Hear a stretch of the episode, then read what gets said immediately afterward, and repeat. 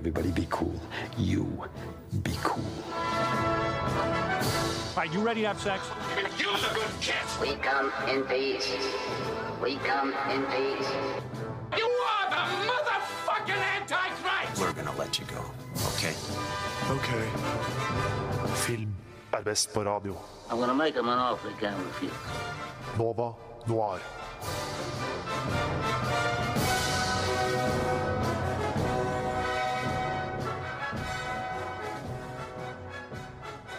Velkommen, velkommen til Nå og Noir, og det er midten av september, og det er spooky season. Mitt navn er Tage Rivas Tollefsen, og du hører på filmprogrammet Nova Noir her på Radio Nova. Og siden det er spooky season officially, så har vi tenkt at i dag er dagen hvor jeg og Fam eh, skal ha vår del to av vår spooky, eh, spooky episode. Altså For et år siden cirka, så hadde vi 70-talls horror. Så vi tenkte i år må vi ha 80-talls horror. Men når vi da snakket med vår eh, coworker Oda som skulle bli med på sending, så var ikke hun så gira på bare 80-tallet. Eh, Velkommen til Oda og oh, ja, Fam. takk. Nå fikk jeg Nå var jeg plutselig en del av sendingen allikevel. Ja, nei, øh, jeg er i utgangspunktet ikke veldig glad i skrekkfilmer, øh, og jeg blir veldig redd. Og øh, hvis vi skulle liksom gå veldig inn i en sånn deep dive inn i 80-tallet, så tenkte jeg at der kommer ikke jeg til å egentlig ha så veldig mye å delta med, for min kunnskap er såpass begrenset. Så da var mitt forslag, da. Vi kan ta fra 80, 90, 2000 og 2010. Ja, og det er det vi skal gjøre i dag. Men uh, hva er det egentlig som skremmer dere? Det lurer jeg på. Ensomhet er ikke det. Og vet du hva, det her snakka vi om sist også, på Mm. 70-tallssendingen. Og da fant vi vel egentlig ut av at jeg Jeg, jeg vet ikke hva jeg var, jeg, men jeg hadde jo ingen frykt. Du for har ingen frykt. Nei, for noen ting. For vi snakka om hva som skremte meg, og jeg var sånn Nei, nei, høyder. Så jeg, jeg vet ikke, jeg kan se hva som, hva som helst av type skrekkfilm, og jeg bare Ja, ja. Men hva er det som appellerer så til deg med skrekkfilmer, da? Hvis du ikke blir redd av dem? Nei, men altså, det er jo det, Noen skrekkfilmer så sitter jeg her Å, nå kommer jeg til å skvette. Nå kommer jeg til å skvette. Og Så, ja, så du ja. er en av de som liker å skvette når de ser film? Ja, kanskje jeg er Ja, det. du er sånn thrill seeker? Ja, jeg er sånn adrenalin-junkie. Det er min junkie. Nei, jeg vet ikke, jeg bare alltid likt skrekkfilmer, og så syns jeg det er veldig gøy å se de sammen med sånn som deg, da, Oda, som egentlig ikke takler det så godt. Jeg har takla det så dårlig. Den uh, Tale of Two Sisters måtte jeg starte på nytt og se sammen med roommaten min. For jeg bare, jeg kan ikke se det her alene. Jeg kommer faktisk til å dø. Ja. uh, og det var en liten tease på en av de filmene vi skal snakke om. For eh, vi skal jo gå gjennom 80-, 90-, 2000- og 2000 2010-tallet. Og så da har vi valgt uh, fra 80-tallet Poltergeist, som vi er en klassiker. Og fra 90-tallet så har vi valgt Scream av West Craven, som jeg også føler er en sånn ikonisk slasherfilm. Ja, Helt vel. klart. Og så har vi gått litt mer sånn, eh, hva kan man si, artsy. Eh, Ja. De to siste filmene, som er fra 2000-tallet, en koreansk skrekkfilm som heter A Tale of Two Sisters. Og eh, 2010-tallet var ditt valg, Oda. Ja. Hun som ikke liker skrekkfilm, valgte en litt sånn House. kontroversiell yeah. film. Filmen uh, The House That Jack Built. ja. Jeg tror kanskje jeg er psykopaten når jeg tenker meg om, fordi alle filmene jeg velger, er bare sånn helt jævlige. De er ikke nødvendigvis sånn klassiske skrekkfilmer, men uh, vi ender jo opp med å sitte og ha det helt grusomt etterpå uansett. Ja. Så vi har en som ikke blir redd for noen ting, en som liker veldig forstyrra filmer. Men hva med deg da, Tage? Eh, Jeg er egentlig litt sånn, jeg liker det meste innenfor skrekk, men jeg er kanskje litt motsatt uh, fra deg, Fam, for jeg er ikke så veldig glad i de filmene som er veldig sånn Nå skal du skvette hele tida.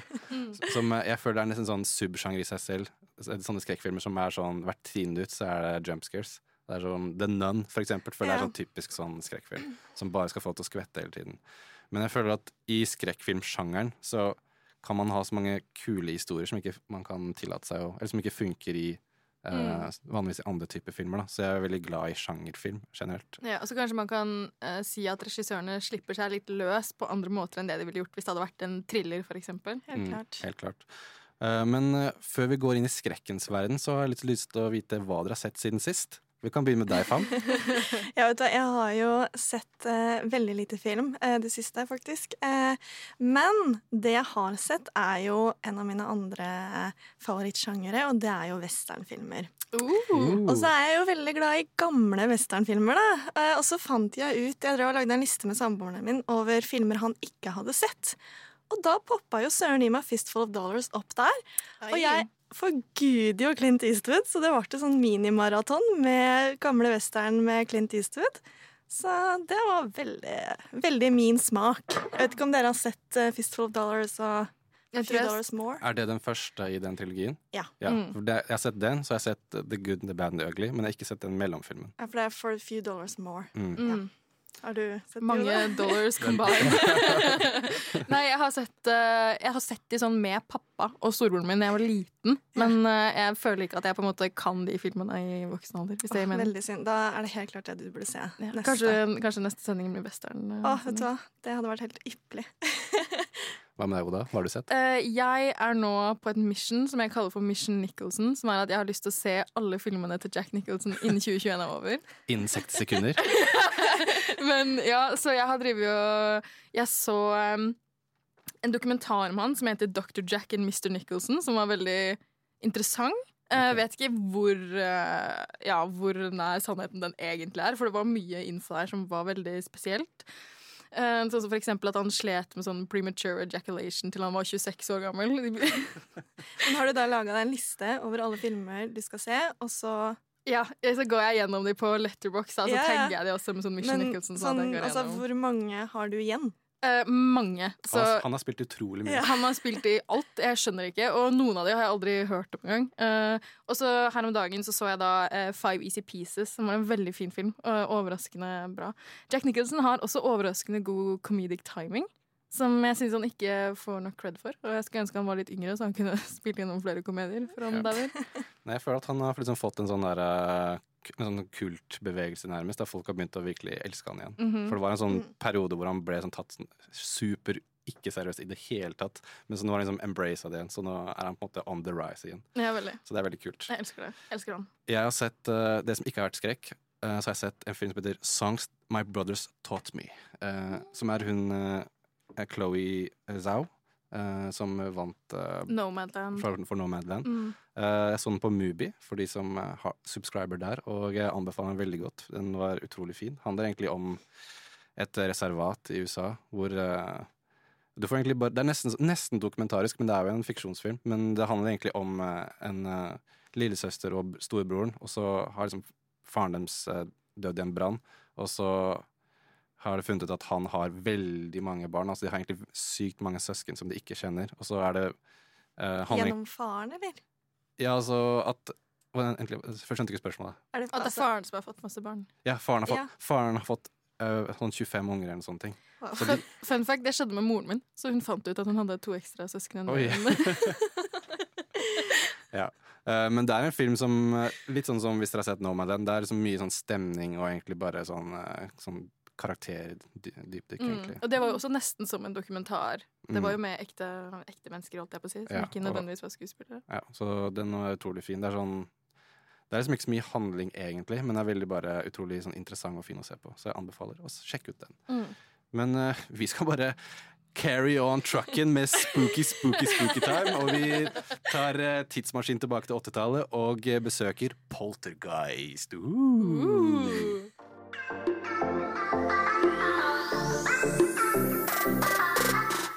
lytter til Nova Noir her på Radio Nova.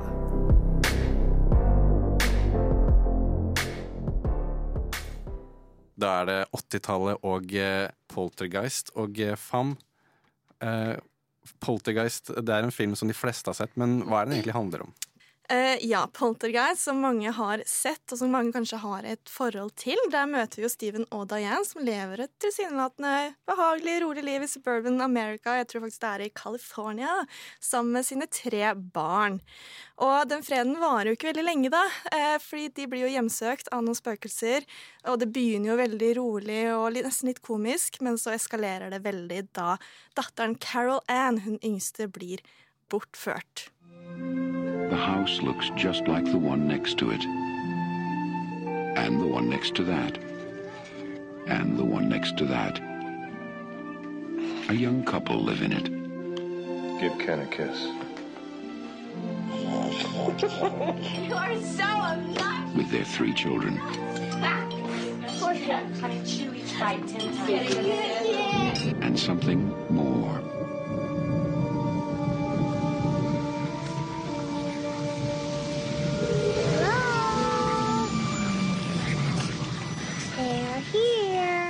Nå har jo vi sett Poltergeist til denne sendingen her. Og da, jeg er veldig stor fan av den. Eh, har eh, vokst opp med den. Eh, som jeg også nevnte i 70-tallssendingen i fjor, så begynte jeg å se skrekkfilmer veldig tidlig. Eh, kanskje derfor jeg ikke er så veldig redd for det i dag. Eh, men da jeg så denne igjen nå, så var det sånn Oi, ja, stemmer, det skjedde! For det er veldig lenge siden jeg har sett den nå. Og bare, Oi, ja, sant det! Eh, så jeg fikk veldig sånn nesten nostalgi da jeg så den igjen nå. Jeg føler det, for jeg så jo denne for første gang nå. Jeg har aldri sett uh, Poltergeist før. Og det var det jeg følte litt når jeg satt der og så den også. Fordi den starter jo nesten som en sånn feel good-komedie, amerikansk, typisk Spielberg-aktig uh, film. Og så begynte jeg å tenke sånn Jeg føler at jeg hadde likt dette mye mer hvis jeg faktisk hadde sett denne samtidig som alle andre så den, som var når vi vokste opp, liksom. Også på barneskolen, for eksempel, når du egentlig er litt for ung til å se på skrekkfilm, og så er det sånn Å, men den her må vi jo se. Um, så jeg satt der og var sånn derre jeg følte at jeg bare manglet et eller annet i min oppvekst, holdt jeg på å si. For å, for å virkelig kunne kose meg, da. Ja, men jeg skjønner det godt. Og det er jo som du sier, da, eh, Steven Spielberg har jo vært medprodusent, men er regissert av eh, Tobe Hooper, hvis jeg sier det riktig, eh, fra 1982. Og det er det som er så kult med den også. Sånn som da, i starten, da, første scene som du også snakker om, da, de, da hun jenta, ta, hun Carol Ann, tar hånda på TV-en, og du hører det sånn knitrer. Knitrer, ja. Akkurat sånn gjorde du det med Vi hadde jo kassetv hjemme når jeg var liten, Mhm. og du bare Herregud, det har jeg gjort også! Og så synes jeg det var nesten sånn Den føltes jo nesten ut som en komedie til tider. Sånn som når um, eh, eh, hun Carol Ann sitter og bare ser på det statiske på TV-en, og så sitter hun kjempenære, og så sier moren sånn 'Uff, ikke se på det der, det der er ikke bra for deg', og så bytter hun til en krigsfilm. Ja. Det var veldig gøy. Jeg bare sånn, ah, ok, Så den er litt, eh, litt selvbevisst. Ja, det er, jo, det er jo mye som kan se veldig kom, altså, ut som en komedie i den filmen i dag, men man må jo igjen da huske på at det var laget på 80-tallet, eh, og spesielt sånne effekter da, som er veldig kult. Da. Begynner å å riste, ja. og så får man sånn, nesten sånn forsøk på 3D-effekt av ting som flyr rundt i rommet. Og det er veldig kult, men jeg kan jo også skjønne at hvis man ser den i dag, så kan mange tenke sånn åh, herregud, så dårlig animert. Ja, for sure. Jeg husker at uh, jeg var Den ehm, Det kom jo før jeg ble født, men jeg husker jeg så den da jeg var ganske ung, jeg også. Og da var det veldig sånn at noen ting fikk jeg lov til å se på. Men så var det noen ting sånn herre Å, se bort, du får ikke lov til å se på det her. Og jeg husker det er Kanskje den eneste scenen jeg syns er litt ekkelt fortsatt i dag, er det er liksom en person som får en sånn herre fantasi, eller sånn herre en sånn, Et sånn vision. Uh, om at han har liksom sår i ansiktet og sånne ting. Og det begynner liksom å pelle av seg liksom kjøtt i ansiktet og sånne Mm. ting. Og det er jo veldig sånn derre det føles som, Selv om det ser ut som en maske, så føler jeg at den holder litt eh, vann fortsatt. For et, etter hvert, Kanskje ikke de første shotsene hvor han liksom ser veldig masket ut, men når han liksom graver av seg kjøttet og ser mer som skjelett under, da syns jeg det er liksom troverdig. Fordi jeg var nesten sånn at jeg, at jeg skvatt litt, fordi begynte, det- der begynte jeg faktisk nesten å le. Fordi det var sånn et lite glimt i lyset, sånn at det ble mørkt et sekund. Og så når lyset kom på igjen, så så du at det var en dokke. Det var så veldig åpenbart liksom bytta fra menneske til en dokke eller, eller en maske eller hva det var for noe. Altså jeg var bare sånn, hjelp. Men det skal jo også sies at man må jo se disse filmene ut ifra året de ble gitt ut. Så dette her var jo kjempeimponerende uh, CGI, holdt jeg på å si, uh, um, for den tiden, da. Mm. Helt klart. Helt klart. Men ble du redd? Og da? Uh, vel, jeg er jo ganske feig, så ja, jeg, jeg ble redd. Altså, det var flere punkter hvor jeg liksom satt, uh, satt litt sånn og måtte skru ned lyden mens jeg satt og så på. Det måtte Oi. jeg på, på flere av filmene. Ja, altså det, det jeg tror, da, er at denne funker fortsatt fordi det er barn. De beste skrekkfilmene jeg ser, da er det jo barn som er uh, hovedofre, om jeg kan Mm. kalle det det. Mm. Og jeg føler også at eh, på en måte um, handlingsforløpet, hvordan det liksom bygger seg opp den, den liksom Poltergeist er jo Den er ikke den eneste filmen som har de der eh, tropene at det er barna Nei, nei, som oppdager noe overnaturlig først. Men for at den her er liksom en av de som liksom virkelig liksom gjorde det sånn veldig sånn ikonisk. Da. Og det er jo eh, flere filmer som eh, er mye mindre hyggelige, i hvert fall i starten. Litt sånn som eh, The Conjuring, for eksempel. er liksom hvordan den filmen starter. Det er veldig mange, mange av de samme plottpunktene. At liksom, å, barna å, merker noe overnaturlig, foreldrene begynner å merke det litt.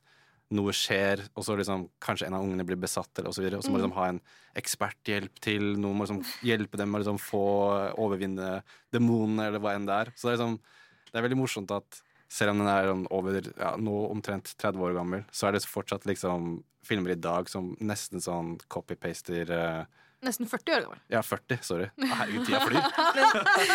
Kan ikke matte heller. Men du snakker om det at det kommer disse personene. Og da kommer det litt tilbake til meg fra den filmen her, for noe av det morsomste jeg vet i Poltergeist, er hun dama som kommer med den forferdelige lysestemmen. Hun heter Selda et eller annet. Hæ? Hun heter Selda på ekte. Gjør hun det? Ja. Nei, Jo, det er så gøy. Ja, for hun er nesten som barnestemme. Ja, Mm. Og så ser hun ut som en gammel dame. Ja, ja, og så er hun kjempesynsk og Mhm. fikser alle problemene og ja.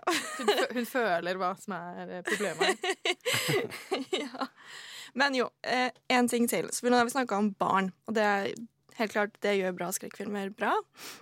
Men en ting som jeg også tenkte over nå, det er det der med disse forbaskede bikkjene. Hvorfor kan de ikke begynne å høre på bikkjene? I starten av den filmen her Jo, men helt seriøst, i skrekkfilmer! I starten av den her nå, så begynte denne bikkja å bjeffe. Men vel å merke, den Litt spoiler, men det går nok fint. Eh, for den er veldig gammel. Eh, bikkja her dør ikke.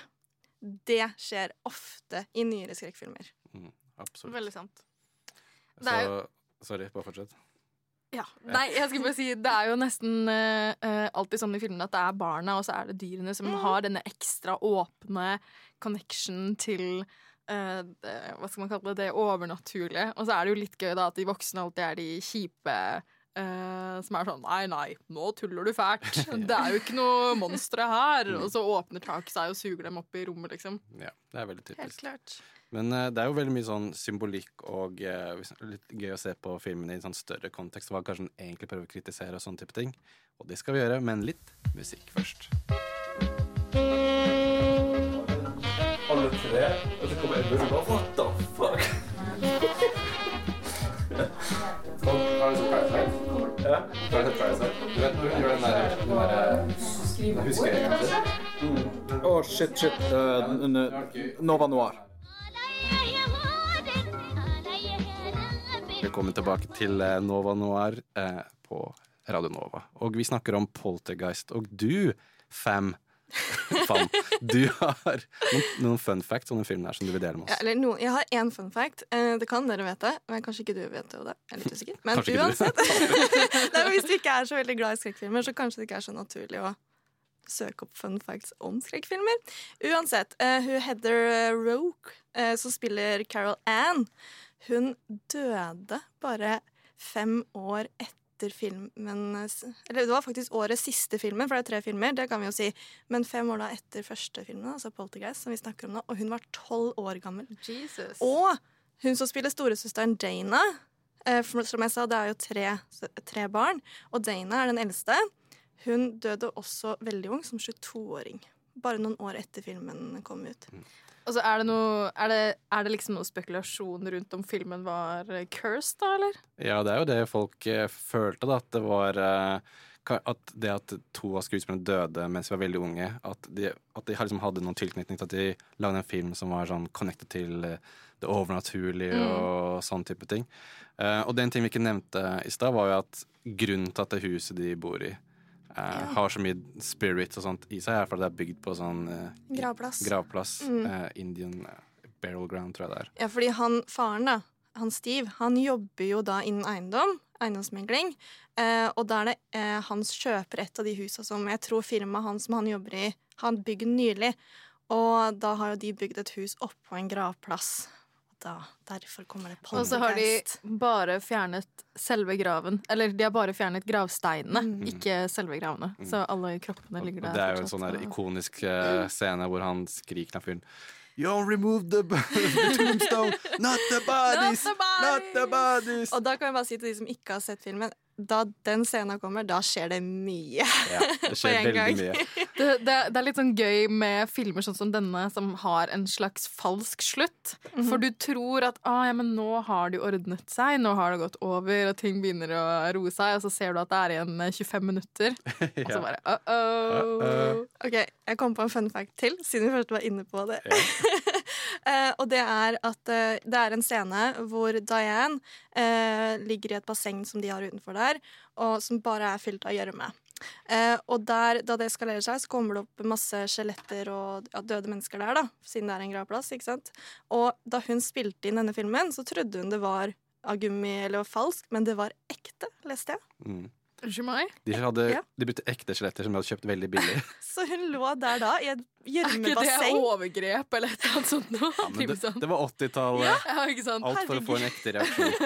Apropos det, det var det første jeg tenkte når dere fortalte om disse barna som døde. Så kanskje det har noe å si med hvordan man behandlet barneskuespillere før i Hollywood. ja, absolutt. Eller en et overnaturlig Jeg leste også en liten fun fact, var at han eh, gutten som blir Det er en scene hvor han blir kvært av en eh, klovn, og de måtte, måtte spille det i sånn her, eh, sånn reverse, og så skulle liksom eh, spole tilbake på liksom, filmen. Og da han får den der armen rundt halsen og skal liksom bli choka ut, men så det skjedde et eller annet feil, så han ble sånn kvært på ekte. Og det Oi. var liksom tilfeldig at Steven Spielberg liksom la merke til det på liksom, en eller annen sånn monitor, at han drev med å bli choka på ekte. Å, herregud. Så, så, så, for det svarte han på sånn Reddit AMA for noen år siden. Og det var liksom litt sånn tilfeldig at han Altså den skuespilleren. Eh, og det er tilfeldig at Steven så det og liksom hjalp han. da Så, da, da, så han skrev sånn If Steven didn't come and help me, what, I don't know what could have happened. Sånn, anything could have happened. Så moralen vi, vi drar herfra med i dag, er at Steven Spielberg er en reddende engel. Ja.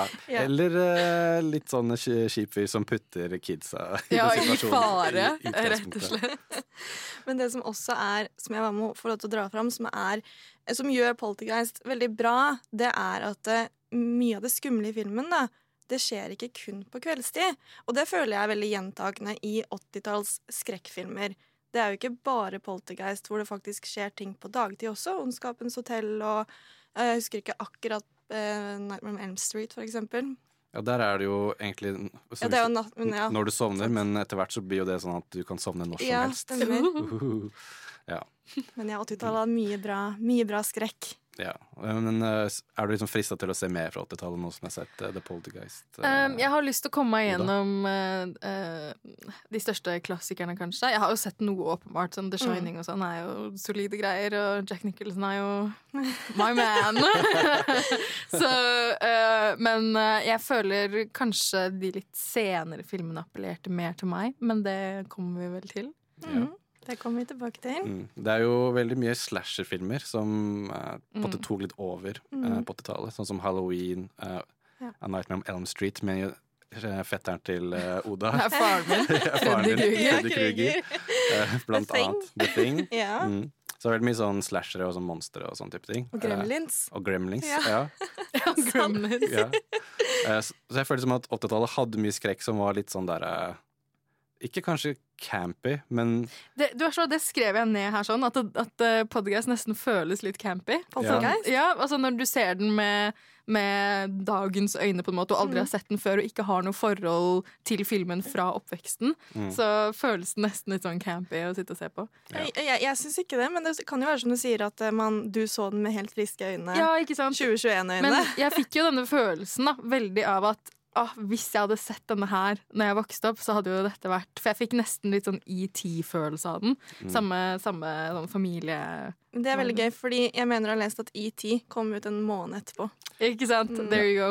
Så folk, det kan jo at folk liksom dro på en film og tenkte å, vi skal se en hyggelig ET-familiefilm. Så bare går alt til helvete. Ja. De bare Hvor er han? Spielberg. Hvor er ET? Altså, så må jeg si at jeg syns eh, slutten også var ganske um, morsom. Når eh, de dro på dette hotellet eller, motellet eller motell eller hva det var for noe, og så bare hiver de Det første de gjør, er å hive TV-en ut på verandaen. Ja, men hadde ikke du gjort det? Jo, herregud, er du gal? Jeg holdt på å gjøre det sjæl, og jeg bare så filmen hjemme, liksom. Hadde du, hadde du sett på en TV igjen om det hadde Aldri, skjedd deg? aldri. Men jeg syns det var ganske gøy. Det var ganske sånn kul eh, slutt. Ja, ja, ja, helt enig. Så den har jo en del humor i seg. Og en film som også har mye humor i seg, det er den neste vi skal snakke om. Fra 90-tallet. Og det er Scream av Wes Craze West Crazen, holdt jeg på å si. West Craven. Men først litt listemusikk. Can't see a goddamn thing. Quit griping. I like griping. On, knock it off. Nova Noir elsker å klage over dårlig film. Da har vi beveget oss over til 90-tallet med Scream av Wes Craven. Og eh, jeg husker bare sånn liten sånn tidbit. Jeg husker veldig godt når den er kommet. Da var jeg kanskje sånn elleve Jo, jeg tror jeg var kanskje var ti eller elleve år gammel. Back in the young days. Og eh, Skrik var faktisk et uh, fenomen. Den ble sånn veldig populær og var en sånn stor del av popkulturen. Jeg husker liksom at én i klassen hadde fått lov å se en av mora si, og da var det sånn der uh, Alle bare samlet seg rundt han og 'Fortell oss mer! Hva er det som skjedde?' Og, og, så var, jeg tror kanskje han overdrev litt, eller kanskje det var ve- veldig sånn impressionable når vi var kids. For jeg husker at eh, han beskrev den som sånn utrolig sånn voldelig film. Eh, og eh, når jeg ser den nå, så føler jeg at den ikke er så voldelig. Jeg vet ikke hva dere tenker.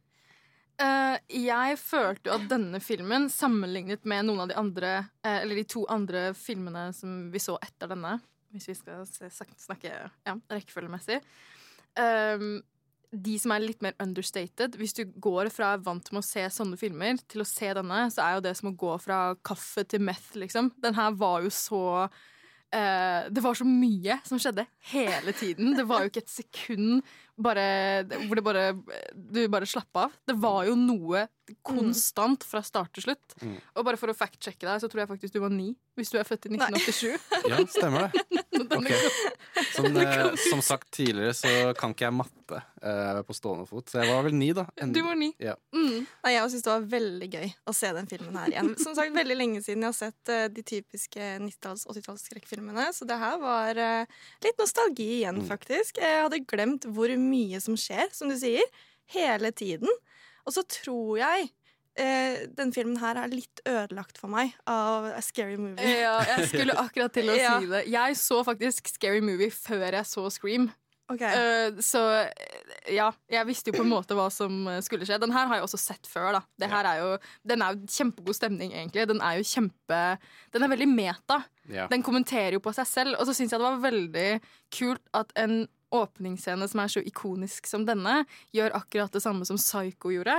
Som var det at de etablerer en, ehm, en karakter som du antar at er hovedpersonen. Fordi i en klassisk uh, Mm. skrekkfilm så dør jo ikke hovedpersonen med en gang. Det går jo ikke an. De Nei. overlever jo til slutten. Og på den tiden så var jo Drew Barrymore veldig stor og veldig Mm. populær og kjent kjendis. Og du tenker sånn Å, Drew Barrymore, jeg gleder meg til å se filmen med henne. Og så, Og så hun. Spoiler! Dør hun i løpet av de første timene. Ja, ja, altså Hun dør jo med en gang. Hun bare en, to, tre, dau, liksom. Og det er jo akkurat det samme som uh, uh, Jeg håper å si Stephen Hawking gjorde i Som Hitchcock gjorde i Psycho. Yeah. Det var jo at han, eh, han etablerte en karakter, og så pop, Mm. You be dead. Ja, men for de som ikke har peiling på hva Scream handler om, så er det jo Uh, ganske enkelt sagt uh, en sånn Jeg er ikke helt sikker på hvor de er, men det er sånn et eller annet sted i USA. Og så er det hun Drew Barrymore sin karakter som blir drept, og så er det sånn Vi er på high school. Det er Sydney som har en Det har skjedd et eller annet med moren for et år siden. Som liksom hun bærer preg av fortsatt. Og så Drew Barrymore sin karakter, en eller annen hun kjente på skolen, blir drept på mystisk vis, og kjæresten. Og så er det litt sånn der Oi, er det den personen som har drept eh, mora mi, som er ute og dreper folk igjen? Uh, så er det egentlig bare en sånn typisk sånn, litt sånn teenage high school-film. Bare at det er noen som driver og ringer folk og stalker de og dreper de one by one. Hello? Hello. Who is this? Tell me your name, I'll tell you mine. I don't think so. What's that noise? Popcorn. You making popcorn? Well, I'm getting ready to watch a video. Really? What? Oh, just some scary movie. You like scary movies? Uh huh. You never told me your name. Why do you want to know my name? I want to know who I'm looking at. Someone is playing a deadly game. It all began with a scream over 911. Someone who's seen one too many scary movies. Now he's taken his love of fear Hello? Hello, Sydney. one step too far. Og dette var en ting som jeg tenkte over med eh, filmene fra 1980 og 1990. Der, der er det veldig mye mer humor. Det virker som skrekkfilmer, eller moderne skrekkfilmer beveger seg lenger og lenger vekk fra humor i filmene. Vet du, hva, jeg tror det har noe med å gjøre med aldersgrenser. Eh, hvis de skulle få folk til å se på det først, måtte de kanskje ha med noe humor. Mm. Eh, jeg tror lista er, var mye høyere for å lage skrekkfilmer da. At det var du, du kunne ikke gjøre det så drøyt, da. Du måtte inkludere litt humor.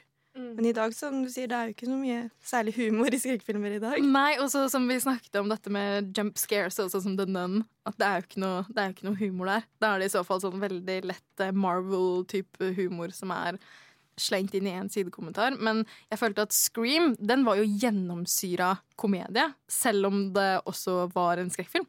Eller er en skrekkfilm. Det er jo så, Sånn som for eksempel når han eh, tar telefonen, og så står han foran dette videokameraet, og så er det sånn What? Noen er dødd? Og så beskriver han eh, Rett for det så beskriver han alt som skjer i en skrekkfilm til de andre som er i rommet. Fordi Mm. det er jo akkurat det som, som skjer. Ja. Eller Og- kommer til å skje. Ja, og det, han mannsforfatteren Kevin Williamson, han eh, sånn, eh, på en måte baserer hele manuset i den filmen her liksom, Det er liksom meta, som du nevnte tidligere, at, eh, at han tar alle tropene som er liksom blitt etablert på 80-tallet, og så på en måte bruker det i en ny kontekst, hvor karakterene i filmen er liksom klar over hvordan man skal overleve en skrekkfilm, og hva som skjer, osv. Og så Og likevel. og likevel så eh, gjør de ikke som de sier, sånn som Sydney nevnte, nevnte veldig tidlig i filmen. Altså, og skrekkfilmen, liksom hovedkvinnene, de er så dumme, de løper alltid opp trappa når de burde liksom løpe ut hovedinngangen. De er, Det er Mm. insulting mot kvinner at de er så dumme. Og så senere i filmen så gjør hun akkurat det samme selv. Hun gjør, hun gjør det jo sånn Det er jo to scener senere, eller noe sånt, Mm. så klarer hun ikke å åpne døra fordi den er låst, og så bare tar hun og, og drar i døra og slår i håndtaket og liksom bare 'Å, jeg kommer meg ikke ut', istedenfor å bare låse opp døra og beine. En ting jeg tenkte på eh, da jeg så den filmen her, er hvor mange dører er det ikke disse typiske husene? Veldig sant, veldig sant. Man må låse alle disse dørene. Så forferdelig slitsomt og tungvint og dumt. Eh, Det her er en sånn type skrekkfilm som jeg kan se for meg at er veldig gøy å se sammen med venner. Sånn Ja. i en gjeng, og så sitte kanskje på sånn utekino Ja, uh, og sure. drikke øl og se på denne. For det, er sånn, det blir sånn skrekkblandet fryd, fordi du kan le og kose deg, all med, kose deg med all metahumoren. Altså, det er nesten så du har en, en inside joke med filmen. Du kan jo Eh, nesten ha en maraton, for det er jo fire, Ja. fire sk eh, skrikfilmer, hører du? det? Og jeg Scream. så at det kommer en, eh, det kommer en til. Nei. Jo. I 2021 eller 20, nei, 2022 må det vel bli, da. Oi, såpass. Mm. Interessant. Interesting. Eh, altså, ja, kan jeg bare gi Jeg må bare gi en shout-out til uh, de som spilte Stu og Billy. Det var den morsomste duoen jeg har sett på lenge. Det var, altså, de satt jeg og lo skikkelig godt av, spesielt mot slutten. Nå kommer det spoilers, folkens. Mot slutten, når de, når de er sånn OK, dette er måten vi må gjøre det på for å frame eh, dere for mordene på dere. Mm. Eh, og så begynner de å knivstikke hverandre. Og så, og så De fortsetter å snakke mens de knivstikker hverandre. Og, og er sånn her ah, Nei, jeg tror kanskje jeg dør her, faktisk, fordi jeg blør i hjel. Du stakk meg for hardt, Billy. Ja, og så blir de sånn sinte på hverandre fordi sånn Å, du knivstakk meg for dypt. Altså, det er bare så Det er så bisarrt, da. Ja. Men jeg syns det er veldig gøy når filmer er campy og det funker. At det ikke blir Mm. sånn at du bare Å, herregud, du liksom slår deg i panna Du blir bare irritert liksom på filmen. Jeg tror den film, altså, og Skrik-filmen, jeg tror den var begynnelsen på den slasher-eraen også. Ja. Og jeg har litt lyst til å snakke om uh, hvordan 90-tallet uttrykte seg videre. For at det som er typisk, er når noe gjør det dritbra, så skal uh, Hollywood bare lage den samme filmen om og om igjen. Mhm. Og det skal vi snakke mer om. Men først litt chicka chicka music! Du hører på Nova Noir. Hey, who do you think you are, anyway? Answer me, or I destroy you. Velkommen tilbake til Nova Noir. Vi snakker om eh, skrekk og eh, enda mer spesifikt 90s horror. Og vi snakker litt om at eh, når eh, en film blir en uh, veldig stor suksess, så kommer det mer av den samme type filmen, og det så vi jo veldig mye på 90-tallet. For eksempel en annen film som jeg husker uh, hadde veldig lyst til å se da jeg var liten gutt. Det var uh, I Know What You Did Last Summer. Eh, bare for å nevne én av mange. Jeg husker også en film som jeg br- browsa for de på Netflix her om dagen, som var The Faculty. Som er også sånn en high school Nei, en college-film hvor bare masse tenåringer tror at uh, læreren er aliens.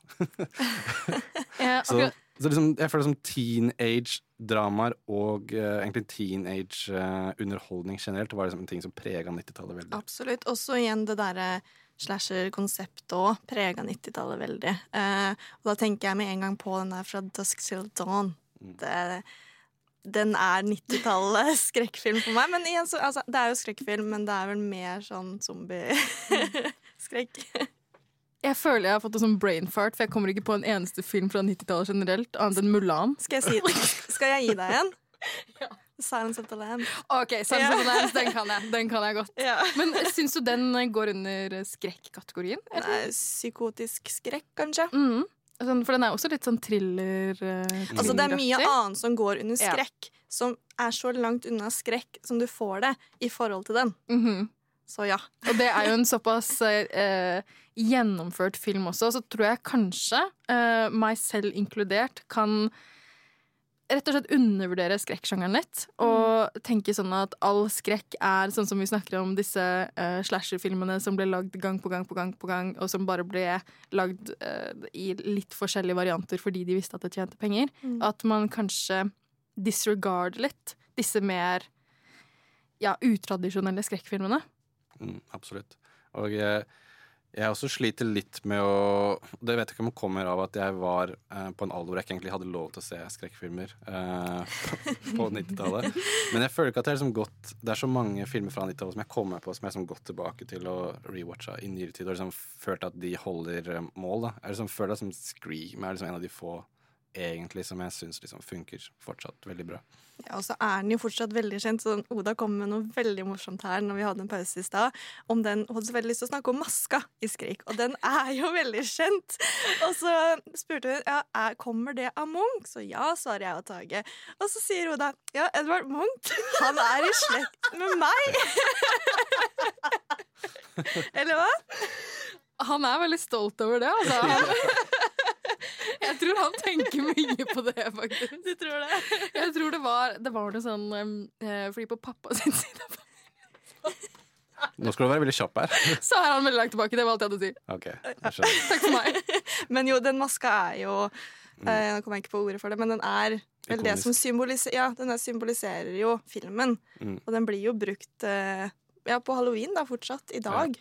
Ja, og det, også til og med i filmuniverset så er ikke det en skrik som bare morderen eh, får tak i. Da. Det er en, en, en maske som på en måte er i eh, den- Omløp. omløp i den verden der. Man ser liksom ungdommer løpe med den i gangene for å sk- freake folk ut og sånn type ting. Ja, for masker òg var en greie før.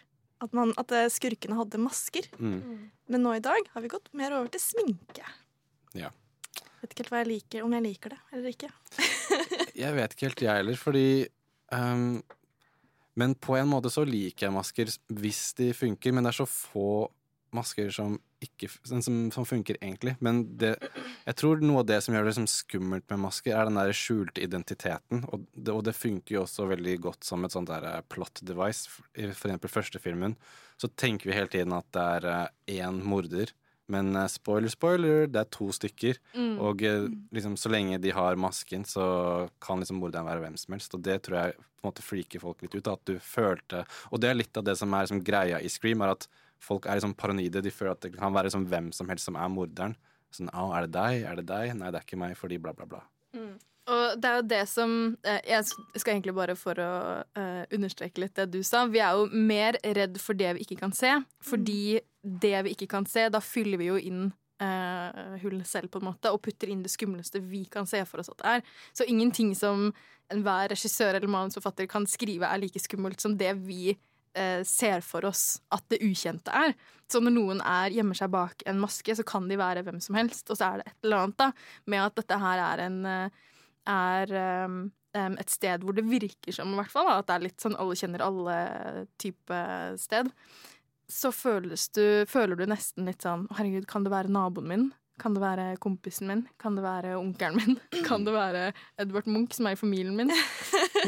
Ja, for du merker jo det i Scream, at de prøver å bygge opp et forhold mellom vi som ser på, og da den personen som er gjemmer seg bak maska. Det, det skjer tidlig i filmen. Så de prøver jo på en måte å få oss til å bli sånn Wow, er det han? Oi, men han var jo der, og han gjorde jo det. Nei, det kan ikke være han. Og så, ja, litt motsigende, da, på en måte. Mm. Og det som er en, uh, litt kult også med Scream, uh, hvis man tenker på litt sånn filmhistoriemessig også, så var jo den uh, en av de filmene liksom litt sånn samtidig som uh, Tarantinos filmer, hvor de snakker om på en måte popkultur i filmen i seg selv, og som er sånn veldig sånn selvrefererende. Og det er jo en ting som er veldig vanlig i dag, da. men sånn sett var den filmen på en måte veldig sånn Forut for sin ja, tid. forut for sin tid. Jeg mener at de snakker om andre skrekkfilmer Ja. i filmen. Og Ja. når jeg, når jeg så den her på nytt igjen, så hadde jeg som glemt De snakker så sykt mye om Ja. filmer i filmen. Ikke bare om andre skrekkfilmer, men sånn, de snakker om film hele tiden. Det er, sånn Mm. Det er som sånn super sånn eh, Ja, og han ene jobber jo på en sånn type blockbuster hvor du kan leie filmer, og da står Mm. de der, og så står de i Skrekk-island og, og snakker om ja, Så det er veldig Veldig godt observert. Det tenkte ikke jeg over. eller? Nei, altså det er jo veldig on the nose, selv om eh, det, det er også veldig gøy. Ja. Nei, så Scream, vil du si at det er en film du anbefaler folk som eh, er veldig redd for skrekkfilm, sånn som du sier at du er? Ja, og jeg kan anbefale den, og så kan jeg også si kanskje se den sammen med noen, for da kan det faktisk bli litt morsomt. Også. Ja. også. Eller fordi du ble redd. Eller ingen kommentar. I plead the fifth. Your honor, I do not recall. Ok, Nå har vi vært gjennom 80- og 90-tallet. Eh, Vi skal ta oss en eh, liten pause fra å snakke om skrekk, fordi vår eh, co-worker Ina Sletten kommer inn for å anmelde en film som heter The Middleman. Um, Så stay tuned. Vi er straks tilbake med The Middleman. Nova. Radio Nova. Nova.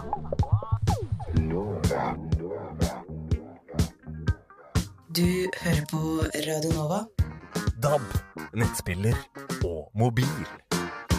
Da har vi fått Ina Sletten inn i studio. Velkommen, velkommen. Tusen takk, tusen takk.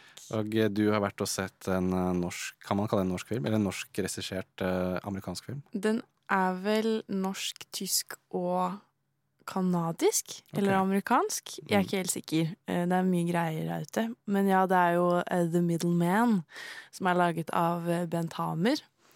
Og den filmen følger jo da eh, Frank Frielli, eh, en usedvanlig alminnelig fyr som bor i en usedvanlig uheldig eh, by.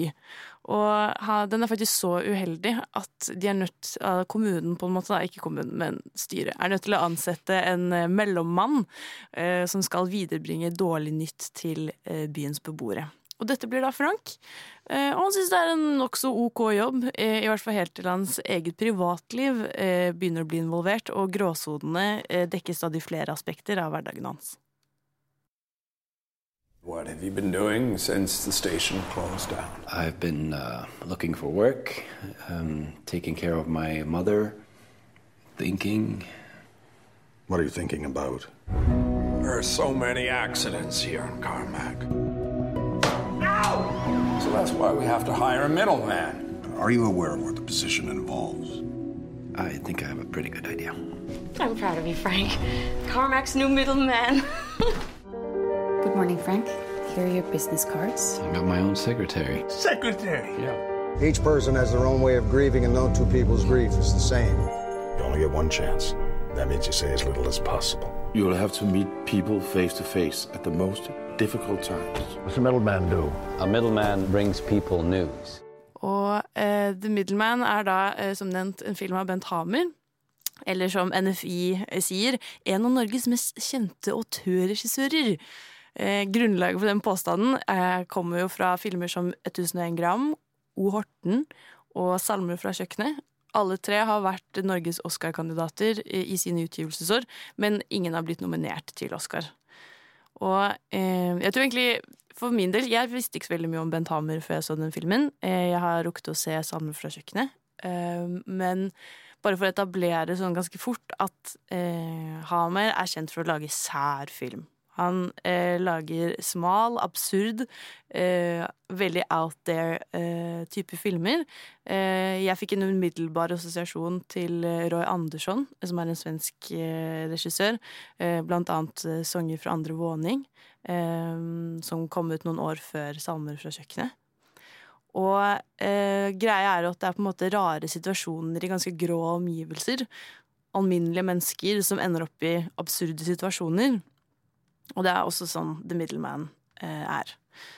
Filmen er da basert på Lars Aabye Christensen sitt, sin roman 'Sluk'. Eh, og det er nokså tydelig basert på dialogen, eh, fordi eh, det er mye rare eh, setninger som man aldri hadde liksom sagt på ekte, eh, føler jeg, da. Eller det, også, det hjelper jo også litt, da, på en måte, at eh, det er i USA, i en fiktiv by som heter Carmack. Eh, men alle, typ alle skuespillerne er enten fra Skandinavia eller fra Canada. Ja, Eh, ja, for jeg lurte litt, for jeg har sett traileren for filmen. Ja. Og da er det jo norske skuespillere som snakker amerikansk, og jeg vet ikke om du syns det funker eller ikke. For jeg syns kanskje ut fra traileren bedømmer at det kanskje ikke var den beste avgjørelsen. Nei, for jeg tror, og det er egentlig nøkkelordet på en måte i denne filmen, er at de ikke gjør nok av noe. Eh, det er verken nok eh, absurditet, det er heller ikke nok eh, Når de først da har Pål Sverre Hagen spiller Frank Frelli, eh, eh, Fausa, eh, Trond Fause spiller en karakter, Aksel Hennie spiller en karakter. Den eneste som faktisk altså sånn, Trond Fause han høres ut som han er en norsk person som eh, pra faktisk er sånn, prater dårlig engelsk, mens både Aksel Hennie og Pål Sverre Hagen prøver å høres sånn ordentlig sånn amerikansk ut, og det funker ikke. For det kan jo fordi jeg vet så utrolig godt at de ikke er amerikanske, da. Men da tenkte jeg sånn det er åpenbart at dette skal være en teit og, og eh, absurd film. Hvorfor ikke bare la de prate jævlig dårlig engelsk, da? Eh, for det er også det at jeg føler Det er ikke ofte jeg tenker det, men denne filmen hadde fungert så mye bedre på norsk. Eh, miljøet, altså sånn hele byen er en utrolig sånn typisk norsk by. Det er grått, det er trist. Eller sånn eh, Karakterene er veldig bleke, og eh, dialogen de har, føles veldig norsk. Eller sånn norsk setningsoppbygning. Eh, og det er sikkert et poeng, det også, men igjen, det blir ikke gjort tydelig nok til at du skjønner det, eller at du er liksom ah, ok, det er lættis, på en måte. Så det synes jeg var litt Og Tuva Novotny er jo også med, en svenske, og dansken eh, Nicolas Bro spiller en eller annen prest eh, som er med her og der. Så det er jo veldig få faktisk amerikanske Og jeg tror også sheriffen er kanadisk, så det er liksom ingen amerikanske skuespillere som spiller i denne amerikanske fiktive byen. Så det er litt rart. Det jeg ser for meg skjedd, er fordi de har fått støtte fra et eller annet. Så er det sånn, det må være på amerikansk, det må være spilt inn her og her og her. Og så har de sånn OK, ok, men jeg skal ha mine norske gutter til å spille i den. Så, Må ha gjengen. Ja, må ha gutta. Og den skal jo da eh, Jeg har sett noen sånne taglines blant blant på Letterbox, så står det liksom at det er en kommentar på Trump eh, om hvordan han har behandlet Eller hvordan Trumps USA ser ut, da. Og så blir jeg bare sånn Det er så sykt lættis, da, at det er en eh, norsk regissør som skal komme her og lage en film om hvordan det er å bo i Amerika, basert på da en Med roman. norske skuespillere. Eller, Ja. Så jeg skjønner jo på en måte at det er et eller annet som henger over hodet mitt her, som jeg ikke skjønner. Og, eh, men jeg er personlig veldig lei av å si ja, men det er med vilje at det er dårlig. For det er så utrolig mange som klarer det bedre og gjør det med vilje. Men det er gjort bra. Og det er det jeg sånn føler her nå, at sånn, det er så mange aspekter. I tillegg så er store del- deler av filmen ganske flat. Eh, handlingen føles liksom litt feil. Den bygges opp helt greit. Du får en god sånn etablering av karakterene og universet. Men så skjer det på en måte ikke så mye mer. Det er ganske lavmælt humor. Han har, ender jo opp i ganske rare situasjoner hvor han må fortelle folk at eh, han har liksom nettopp vært innom og fått en eh, dress skreddersydd, eh, og så må han gå tilbake for å fortelle at eh, sønnen deres er dødd. Eh, og det er, liksom, det er kleint og rart, men det blir heller ikke kleint nok, eller ubehagelig nok. Eh, så jeg får heller ikke noe medfølelse for Frank eh, i løpet av filmen. Ikke til noen av de andre karakterene. Alt er bare helt middels, egentlig. Og det er skikkelig irriterende. Kanskje det er poenget. The Middleman. Så prøv å lage en veldig middels film. Sånn et metalag oppå det hele. jeg, jeg hadde faktisk denne debatten med roommaten min i går, hvor vi snakket om dette. Sånn, ja, men det er jo en kommentar på dette, og det er jo med vilje at de har gjort det meta på grunn av sånn og sånn. Da er jeg litt sånn Intensjonen har ikke så veldig mye å si når, eh, når det ikke funker i praksis. Ja, Og så er det heller ikke en type sånn slice of life-film hvor La oss si eh, Patterson av Jim eh, Jarmusch, hvor du liksom bare følger en fyr som har en vanlig jobb. Det er ikke noe sånn heller. Det er liksom en handling, men den har ikke noe, den har ikke noe sånn slagkraft i det hele tatt.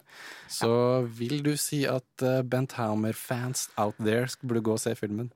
Eller kanskje du kanskje, eh, tror du kan uttale deg på dems vegne? Uh, jeg er jo åpenbart ikke en Bent Hamer-fan, men hvis, han har jo, gjør, det jo tydeligvis bra. Da. Han blir jo nominert til Oscarer, eller i hvert fall forsøkt nominert til Oscarer. Hit og. Mm. Uh, men uh, Så hvis du liker denne type humor, gønn på. Men for min del så blir det en fire av ti. Ok. En firativ til The Middleman av Ina Sletten. Tusen takk for at du kom innom. Eh, Vi No skal eh, Liker du skrekkfilm? Nei. Da må du gå det helvete ut herfra, for vi skal snakke om Let me out! A Tale of Two Sisters fra Sør-Korea.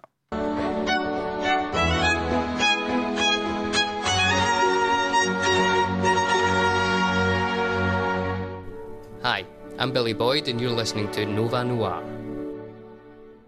Stupid fat hobbit. Da var det dags for å snakke om eh, 2000-tallet, og da har vi dratt til eh, vekk fra Vesten, over til eh, The Far East, og en sørkoreansk film som var mitt forslag, fordi denne filmen hadde jeg ikke sett fra før av, men jeg har hørt så mye bra om den, og det er filmen A Tale of Two Sisters.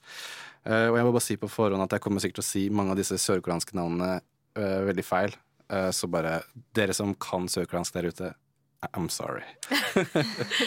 Eh, Men det er en film som er regissert og skrevet av Ji Woon Kim. eh, Og han har laget en annen film som jeg er veldig glad i, som heter eh, I Saw The Devil. En veldig sånn voldelig og pervers hevntriller.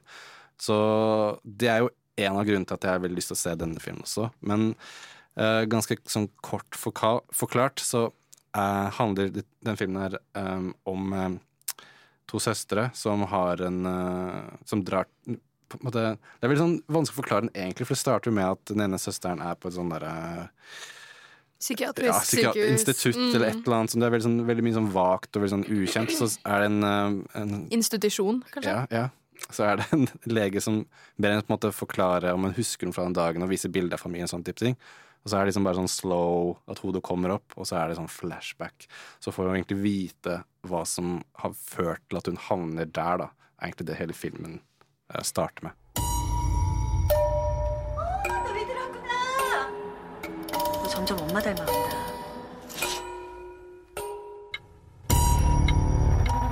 꿈 꿨어? 방에 다 나갔어. 누가 그랬어? 그 여자가 그런 거지? 왜 이래 버릇없이?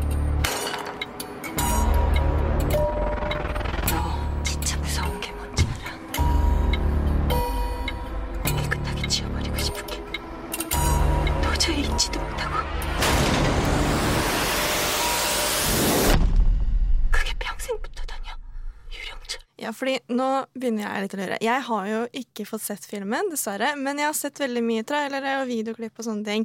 Og da sier du at det handler om to søstre. Gjør det det? Uh.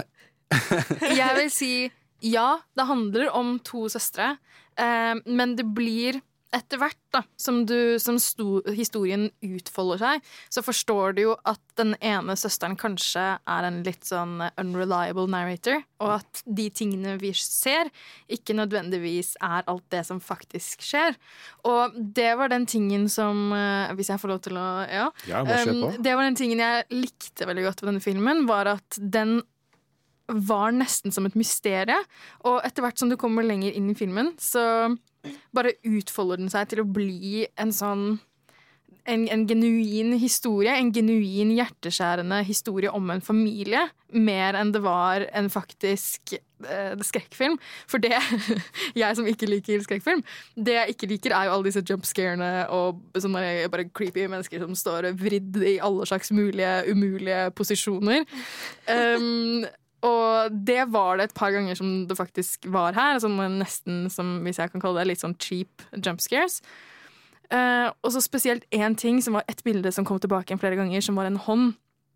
Hvor du bare så bildet av eh, hånden som, som slo i gulvet desperat. Og det var bare sånn glimt av dette. Og det, du, uh, det det på en måte ble insinuert at det var, er en slags demon som gjemmer seg under senga.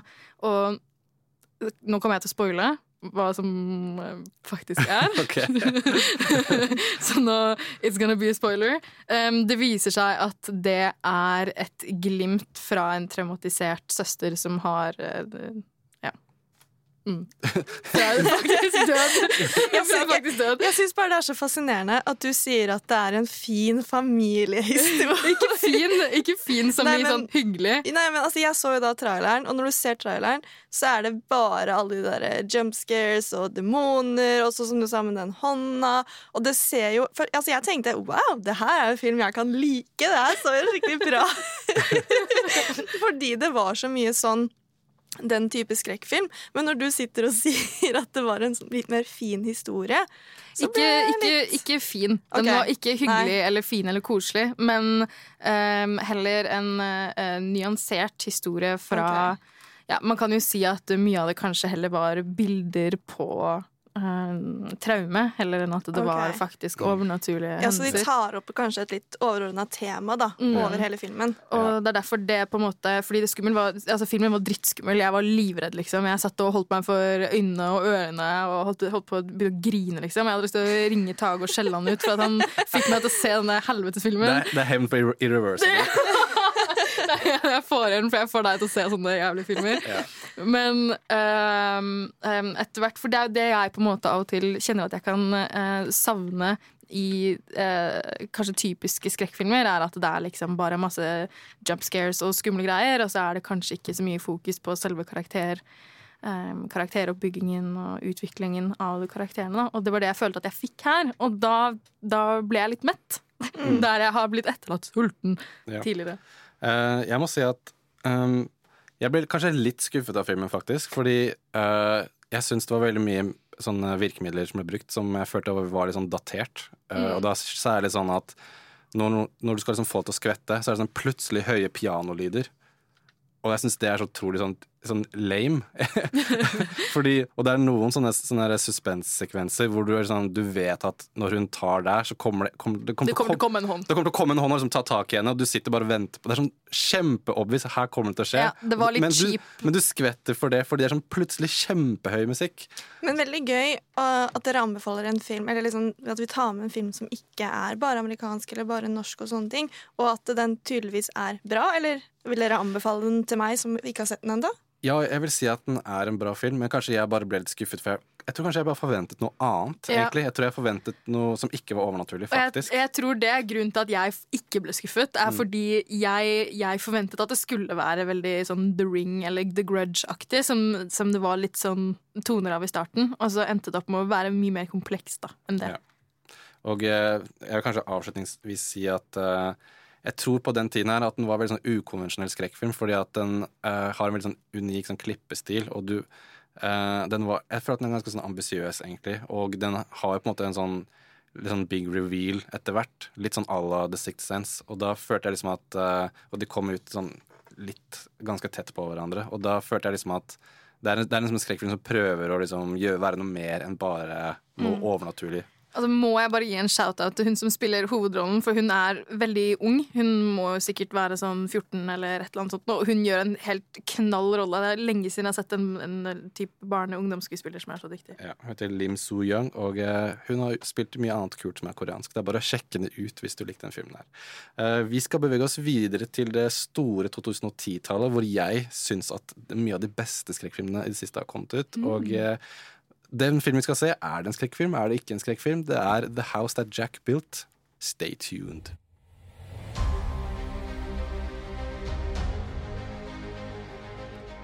En radio. Ett program. En redaksjon. For filmelskere. Nova Noir. På radio Nova.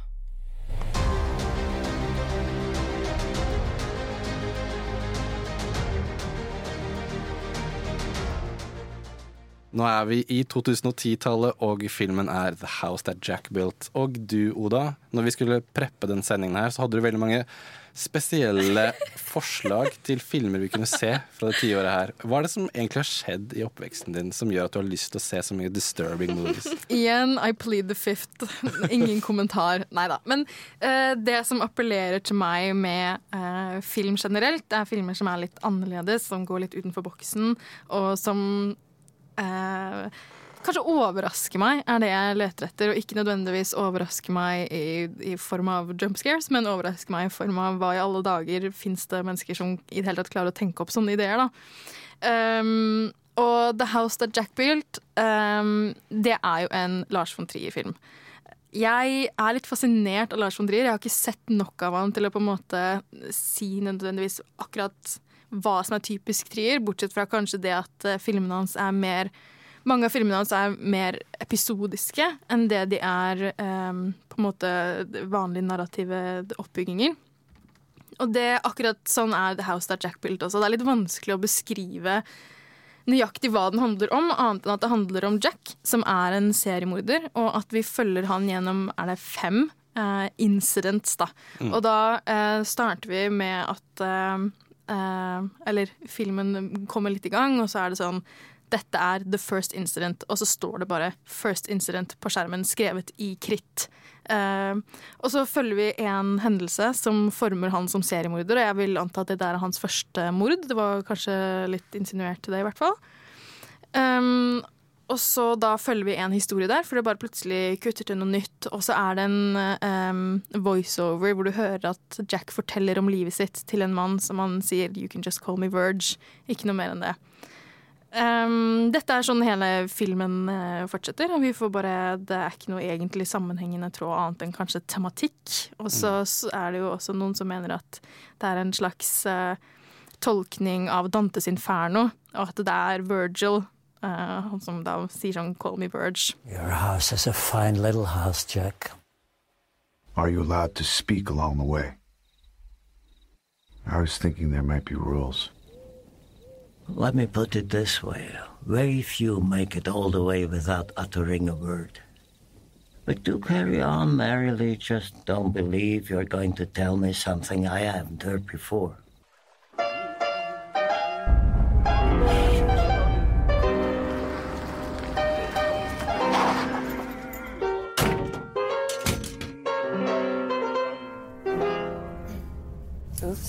Was maybe a mistake. What was maybe a mistake?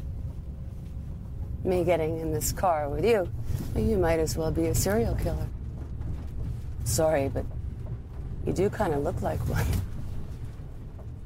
Det var jo litt diskusjon etter at vi hadde sett denne filmen, hvorvidt dette egentlig var en skrekkfilm, eller hva slags sjanger det egentlig var. Fordi på Letterboxd så er den jo um, under blant annet horror, da. Skrekk. Eh, og dette er en ganske lang film, den er vel to og en halv time nesten. Ja. Um, Veldig lang. Mm, så Tage, du hadde noen tanker om det? Uh, altså ikke lengden på filmen, men uh, Nei, men sjangeren? ja. Nei, fordi at jeg er jo ikke så veldig glad i såkalte filmer som har liksom et omdømme fordi at det er litt sånn det som skjer er veldig sånn forstyrrende og ubehagelig å se på. Det er jo litt sånn som vi nevnte jo når vi skulle snakke lage sending her, og kanskje vi kan se 120 dager med Sodom, eller hva en film heter. Uh, og det er sånn det er som noen sånne lidelsesfilmer som folk ser på som skrekk. Som jeg, tenker, jeg føler at det er sånn egen sjanger. Sånn lidelse og tortur og, og, tortur og fælhet. Sånn fælhet. gore, nesten. Ja, at det er liksom noen som elsker det, at de ser på det som den kuleste skrekkfilmen, hvor det bare er liksom slakt og gore og uh, sånn som så-filmen og sånne type ting. Og jeg, liksom, jeg føler at det ikke er noe gøy, da. Og jeg vil jo ha en skrekkfilm som har noe gøy i seg. Og jeg føler jo på mange måter at The House That Jack Built er en morsom film. Uh, for å si En sånn trait som Jack har, som jeg syns åpner opp for veldig mye komikk, er at han er sånn super OCD. Han kan liksom ikke, han forklarer at han kan ikke forlate et rom uten at det er sånn helt clean. Og det er veldig komisk når han på sin andre incident uh, har liksom drept en dame og tatt bilder av henne og sånne type ting. Og så skal han dra, så har han sånne fantasier om at hvis han er under teppet, der er det fortsatt blod, eller eh, Og så må han gå tilbake og kline det opp. Og det er liksom den sekvensen er bare fortsetter og fortsetter, og liksom du hører politisirenen i det fjerne som kanskje kommer til der han er, men han klarer ikke å slutte å tenke på at kanskje det er blod bak bilderamma. Ikke sant? Synes, På steder som Ja. det absolutt ikke er, er sjanse for at det kan være blod. Og det er sånn, eh, sånn Sånne ting gjør eller, d- Det her med den filmen gjør at jeg syns den ble veldig interessant. At det ikke bare var sånn derre Å, jeg går rundt og dreper folk og syns kvinner er Jeg hater kvinner og er bare psycho i huet mitt, liksom. Det, Jeg er, veld, jeg er veldig enig. Og det er jo Matt Dillon som da spiller Jack. Eh, og jeg syns eh, han gjør den filmen her, eller han gir denne filmen mye mer eh, enn hva den kanskje egentlig er. Sånn, i, forhold til. I forhold til plottet at det ikke er en skrekkfilm. I hvert fall ikke i mine øyne. Det er jo mer en psykotisk thriller, tortur, som Tage nevnte. ja, fordi at jeg syns at eh, filmen ikke er så ille som jeg trodde at den skulle være på liksom det voldelige, egentlig. Men det er en liten sånn morsom fun fact. En liten ting som skjedde, var at uh, når jeg hadde sett filmen ferdig, så begynte jeg liksom researche litt på YouTube og sånn etterpå, og da så jeg at oi, det, det var liksom en klipp fra en, en YouTube-video fra filmen, hvor det var mye mer voldelig enn det jeg hadde sett. Så jeg hadde sett en sånn unrated, eller sånn sånn litt sånn sensurert versjon, så jeg måtte gå tilbake igjen og se på alle de scenene som var liksom verre, da, uh, og se de på nytt igjen. Men eh, altså, vi, det er mye å si om filmen her, og vi skal snakke mer om den, men vi må først høre litt musikk. Radio Nova.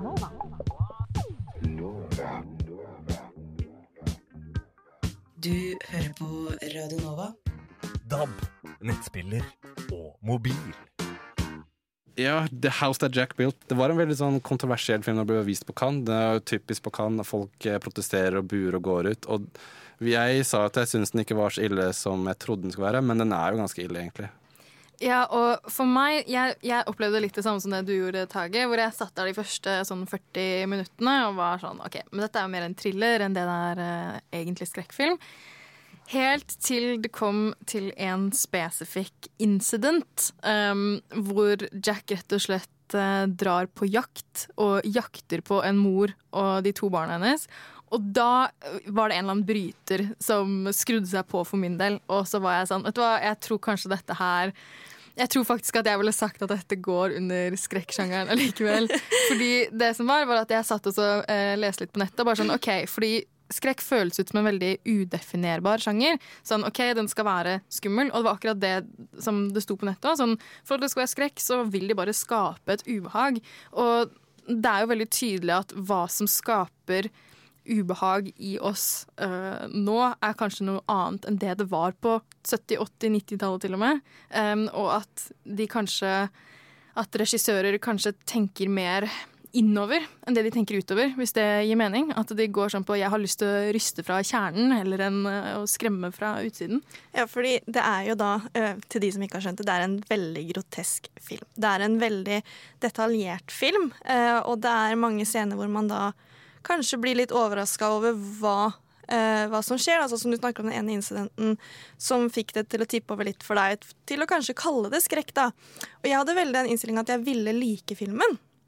Eh, og jeg hadde, veldig, jeg hadde lyst til å bli imponert over det. Eh, men jeg ble ikke særlig imponert, og så eh, var det en kjempedårlig incident som tippa det hele. Men uansett så syns jeg, som jeg sa i stad, det her er mer enn thriller. Jeg er veldig enig med deg der, Oda. Men igjen så kan det også være hva vi føler er skrekk for oss. Nøyaktig. Mm. For det er jo, ja, som sagt, det er jo en veldig udefinerbar sjanger, så kanskje skrekk eh, på en måte da blir mer Hva er, det, hva er skrekk for deg? Hva er det som virkelig setter mm. Virkelig ryster deg da, og setter spor i deg? Mm. Jeg kan si at uh, jeg opplevde ikke filmen som skummel, men ubehagelig. Uh, fordi at uh, det er veldig mye sånn Det føles veldig ekte ut, det som skjer. Og det, når du på en måte Og det ser veldig ekte ut. Det ser veldig ekte ut. så det er Men det som kanskje gjør at akkurat den filmen her ikke er sånn funker for meg, er de partiene hvor Jack går veldig inn i sånn monologer om kunst og, og snakker veldig mye om sånn der at verden Jeg er enig. Liksom, verden setter ikke pris på liksom, ikoner som forandrer verden, og de store ja, ikonene som, som, Og da er det som viser de masse diktatorer og sånne ting. Og som de viser Hitler liksom, i samtalen om kunst og ikoner. Og han har blitt i trøbbel før von Trier med å uh, si at han som jeg forsto Hitler og sånne ting. Ble bannlyst fra Cannes et år. Mm. Og jeg føler litt av og til når jeg ser på filmen at er liksom Jack bare talerør for von Trier sine liksom, tanker som han ikke tør å si høyt. Og det fucker liksom med Men det, opplevelsen min. det sier han jo også, det sier jo Jack også i filmen, at å, regissører er bare De lager bare filmer om ting som de egentlig har lyst til å si. Og så viste han klipp fra von Trier sine tidligere filmer Mm. mens denne monologen pågikk. Så von Trier er jo litt sånn Jeg føler han viser litt fingeren til alle som kritiserer. Han bare sånn ha-ha, jeg kan gjøre hva jeg vil, og ingenting trenger å gi mening, for jeg er von Trier, så dette er kunst. Ja, så tenker jeg litt sånn, det er jo mer det er, sånn, det er mer kunst. Og hvis du ser opp mot de andre filmene vi har snakket om i dag, sånn som Poltergeist og Skrik, da, for eksempel. For meg så er det mye mer typisk skrekkfilm. Altså, eh, man kan jo sikkert dra den skrekkfilmen, og det finnes mange underkategorier. Men eh, for å oppsummere for hvert fall egen del, så syns ikke jeg det her er en skrekkfilm. Nei. Men det som er gøy med filmer, det er eh, subjektivt, og alle kan ha hver sin mening. Uh, og vi har jo sett mye forskjellige filmer denne uka her, og snakket om mye forskjellig. Og uh, du der ute kan liksom gjøre din egen mening og uh, se, se, filmene og liksom tenke Er det skrekk for meg, er det ikke skrekk for meg? Og det, jeg føler at vi har liksom snakket om ganske forskjellige typer filmer som kan liksom passe for alle og enhver. Mm. Er det skrekkelig? Er det skrekkelig. Eh, du, Oda, har skrevet en anmeldelse av Dune, som Yes, ligger ute på radionovas.no sine nettsider, og eh, anbefaler alle å sjekke den ut. Og neste uke kommer jeg, Lars og Embla med en sending om eh, dårlige filmer, nei, gode filmer som vi syns er dårlige. Oh, spennende! Yes, så vi har vært Radio Nova. Eh, takk for oss, og vi ses igjen neste uke. Ha det! Ha det!